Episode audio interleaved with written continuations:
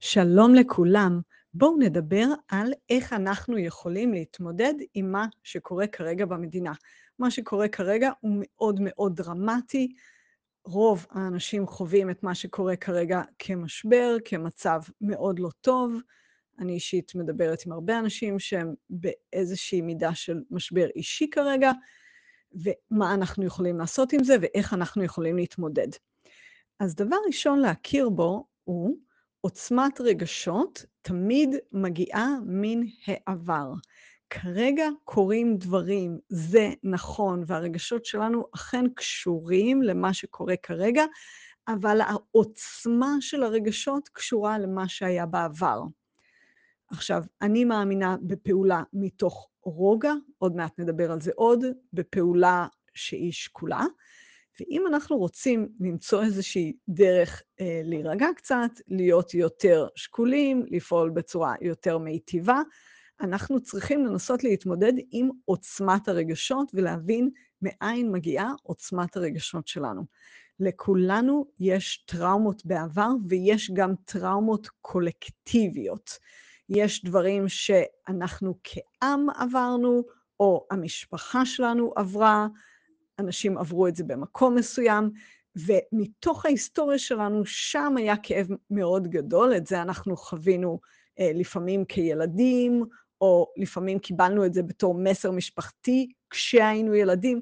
כשהיינו ילדים היינו מאוד פגיעים, וכל מה שקרה פעל עלינו מאוד מאוד חזק. אז יש למשל אנשים בארץ שהגיעו מברית המועצות לשעבר, והם חוו שם אנטישמיות, שנאה, אלימות, אפליה, אה, פוגרומים נגד יהודים. אז טראומות מאוד מאוד קשות, זה יכול להיות שהם אישית חוו את זה, או שהם היו ילדים מאוד קטנים, או אפילו זה היה לפני שהם נולדו, אבל זה עבר אליהם דרך המשפחה. הפחדים, הכעס, הזעם, חוסר האונים, עברו לאנשים מסוימים בצורה הזאת, מתוך החוויה שזה קרה ממש בילדות שלהם או קצת לפני שהם נולדו. והרבה הרבה מאיתנו, מה שקורה עכשיו זה שחזור של טראומות שהיו אה, בתקופת השואה באירופה, שגם אה, התהפכות, אה, רצחנות, אה, אלימות, התהפכות של המשטר, וגם זו טראומה שנמצאת אצל הרבה מאיתנו, והיא יכולה להיות גם מאוד מאוד חזקה, והיא יכולה להיות קצת חלשה יותר. אז למשל, היום דיברתי עם לקוח שהיה בברית המועצות לשעבר, והוא חווה את החוויות הקשות האלה כילד קטן, אבל אני אישית, החוויות האלה הגיעו אליי דרך המשפחה, אני כבר דור בעצם שלישי לזה. אז אפשר להבין שעליי הטראומה קצת יותר חלשה, אבל היא עדיין פועלת על שנינו.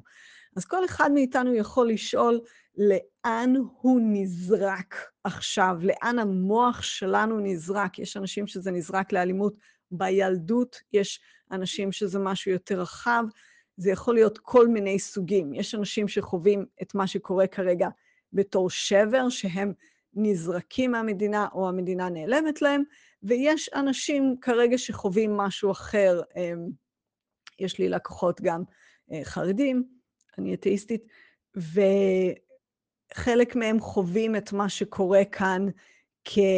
איזה לוחמנות שמופנית כלפיהם. אז אנשים שונים כרגע חווים חוויה שונה, וכל אחד מאיתנו יכול לשאול או את עצמו, או אולי אם יש לכם ליווי מקצועי שאתם נעזרים בו, לאן אתם נזרקים אחורה. ואז כשאנחנו עושים איזה עיבוד או תשומת לב לדברים שקרו בעבר, אפילו בכמה שיחות פשוטות, אז אנחנו מנקים קצת, אם אפשר להגיד, את הטראומות של העבר, אנחנו מרככים אותם קצת בעצם זה שמקבלים uh, תשומת לב ואמפתיה ואיזה תשומת לב למה שקרה איתנו על ידי אדם נוסף, או אפילו אם אנחנו יושבים וכותבים, גם זה עוזר, אז משהו מתרכך והתגובה הרגשית שלנו כרגע מתרככת, יורדת, נרגעת קצת. מה שקורה כאן הוא דרמטי, אני לא מצפה מאיתנו שבאמת נהיה רגועים, אבל אנחנו יכולים להירגע במידה מסוימת על ידי ריכוך, אוורור, מבט חומל בטראומות עבר, יכולות להיות כאמור אישיות שלנו או קולקטיביות. אז זאת הנקודה הראשונה, אם אנחנו רוצים קצת להירגע, כדאי לנו להבין שעוצמת הרגשות נובעת מן העבר, וכדאי לנו לתת גם מבט אחורה לעבר העבר שלנו. אז זה דבר ראשון. עכשיו, עוד לגבי רגשות שונים שמתעוררים כרגע, בגדול אפשר לחלק את הרגשות שכרגע מתעוררים לשניים, יש חרדה ויש כעס. אז יש אנשים שמאוד מאוד מאוד פוחדים, מאוד מאוד דואגים, ויש אנשים שמאוד מאוד כועסים. כדי לעבוד כמו שצריך עם כעס, צריך להכיר בזה שהוא לרוב נובע מפחד. כלומר, כעס מגיע מאוד מאוד אחורה מההיסטוריה, מההיסטוריה שלנו, כשהיינו חלשים ומאוד פחדנו, ושם בנינו את הכעס, שם בנינו את האלימות. אז הרבה אנשים, או הנטייה לאלימות, או המשיכה לזה, הרצון לזה. אז כדאי לנו להסתכל מה בדיוק הרגשות שאנחנו חווים, האם זה כעס, חרדה או אולי משהו קצת אחר, וגם לנסות להגיע, שוב, לבד או עם עזרה מקצועית, למקור הרגשי של מה הרגש הבסיסי שאנחנו באמת מתמודד, מתמודדים איתו, זה יעזור לנו לטפל ברגשות שלנו בצורה יותר יעילה. אוקיי, ואז סך הכל המודל שאני מאמינה בו הוא של פעולה לא מתוך רגשות חזקים. פעולה תמיד תהיה קשורה לאיזה שהם רגשות, אבל בשאיפה לא חזקים מדי. אז אם מישהו מסתכל על אמ, אלופי קראטה, אומני קראטה, הם עושים לפני הקרב שלהם מדיטציה. הם חזקים, הם יודעים לפעול, הם מאוד מאוד מיומנים, ועם זאת הם מעוניינים לפעול מתוך רוגע. מתוך חיבור לאיזה מרכז פנימי שלהם, מתוך חיבור לאיזה כוח שקט. אז גם לכולנו, כמובן זה כולל את עצמי, כל הלקוחות שלי, אני משתדלת לעשות את העבודה הזאת עכשיו, להגיע לאיזשהו מצב של נשימה, להגיע לאיזשהו מצב של רוגע, ומתוך זה לחשוב מה אנחנו עושים. האם אנחנו אה, משתתפים בצורה כלשהי במחאה? האם להפך, אנחנו תומכים במה שקורה? אישית עוד לא פגשתי מישהו שתומך בלב שלם, אבל אני מאמינה שקיימים. אז אם אצלכם יש פעולות שאתם רוצים לעשות אותן, אז מה יהיו הפעולות האלה? אנשים רבים אה, חייבים כרגע לשקול שיקולים מסוימים שקשורים לעתיד שלהם, וגם את זה אני מחפשת שנעשה ברוגע ובמחשבה כמה שיותר צלולה. אז לא, אנחנו לא צריכים ללכת לישון, אבל גם לא, אנחנו לא צריכים להיות מאוד מאוד נסערים, או אם אנחנו נסערים, לשאוף לצאת מזה, כדי לעשות פעולות חכמות, כדי לעשות פעולות מיטיבות. ודבר נוסף, מאוד מאוד חשוב, אני מאוד מציעה שאנחנו נפריד בין תהליכים, תהליכים גדולים שקורים במדינה, לבין אנשים פרטיים. לרוב, אם יש לנו טענות ואם יש לנו כעס ואם יש לנו מחאה, היא נגד תהליכים פוליטיים שקורים, ולא כדאי להסב את זה נגד אנשים פרטיים. זה יוצר קושי מאוד גדול כאן לחיות אחד עם השני, אם אנחנו מתחילים להסב תהליכים פוליטיים נגד אנשים פרטיים. כפי שסיברתי, יש לי לקוחות חרדים, יש לי לקוחות מוסלמים, כמובן יש לי לקוחות גם יהודים, אמ, גם חילונים, ואפילו פה ושם מקבוצות אחרות. אני מדברת עם כולם בתור בני אדם, אני יודעת ומחזיקה כל הזמן שכולנו בני אדם. בני אדם תמיד כן יכולים להסתדר אחד עם השני. בני אדם כן יכולים ליצור חברויות.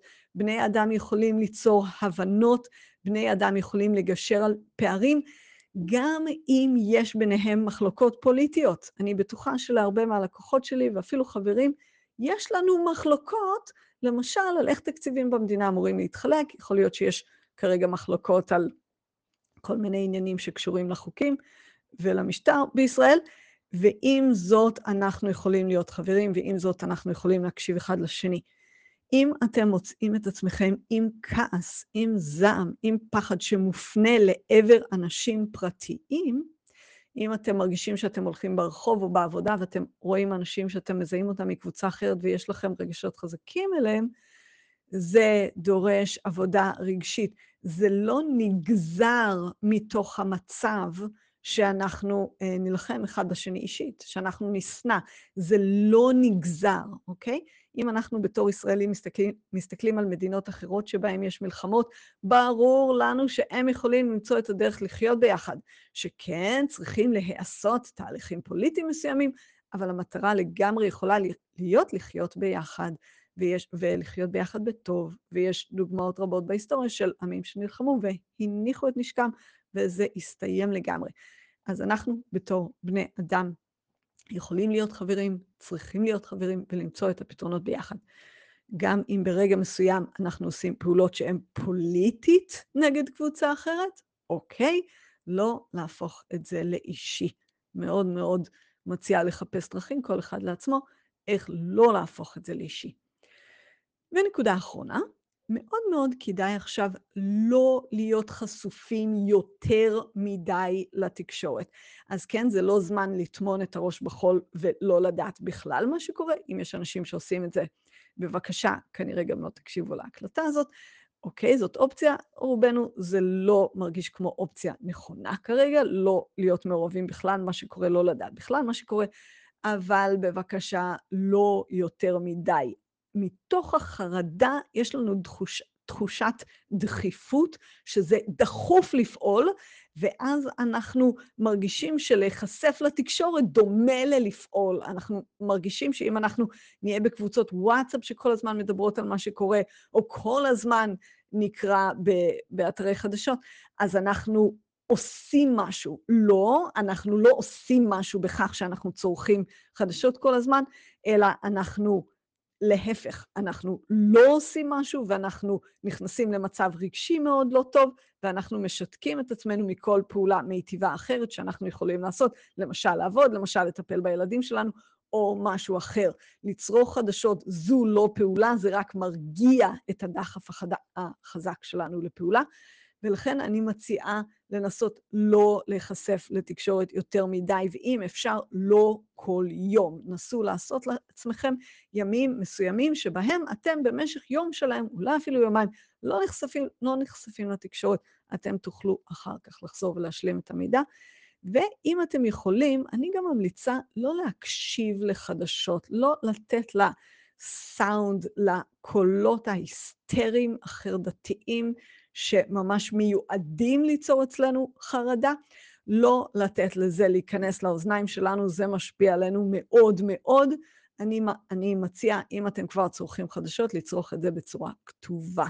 זה הרבה הרבה פחות מכניס לחרדה ומאפשר לנו להישאר, לשמור או ליצור איזשהו רוגע כדי לפעול בצורה מיטיבה. אז בואו נסכם. מה שקורה כרגע הוא משבר, הוא משבר לרוב האנשים. בזמן של משבר אנחנו מצד אחד מחפשים איך לפעול, אבל חשוב מאוד לראות איך אנחנו יכולים לפעול עם יותר רוגע, ואז אנחנו נוכל לפעול בצורה מיטיבה. כדי ליצור רוגע, אנחנו צריכים לטפל בטראומות שהיו לנו בעבר. הטיפול לא חייב להיות עכשיו טיפול פסיכולוגי של 20 שנה, זה יכול להיות שיחה, שתיים, אפילו עם חבר, אפילו קצת כתיבה לעצמכם.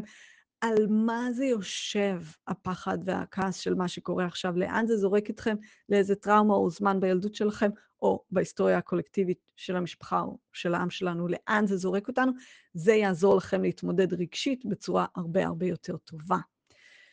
ולא לא לייחס את התהליכים הפוליטיים לבני אדם פרטיים. בני אדם הם בני אדם והם תמיד יכולים להיות חברים. לא לייחס ולא להפנות את התהליכים הפוליטיים כרגע אחד נגד השני, לא ברשתות חברתיות, בטח לא בשיחות אישיות. אנחנו צריכים להישאר ביחד, ומתוך זה לחפש מה נכון לעשות כרגע. אז זה ממני, סלי תדמור.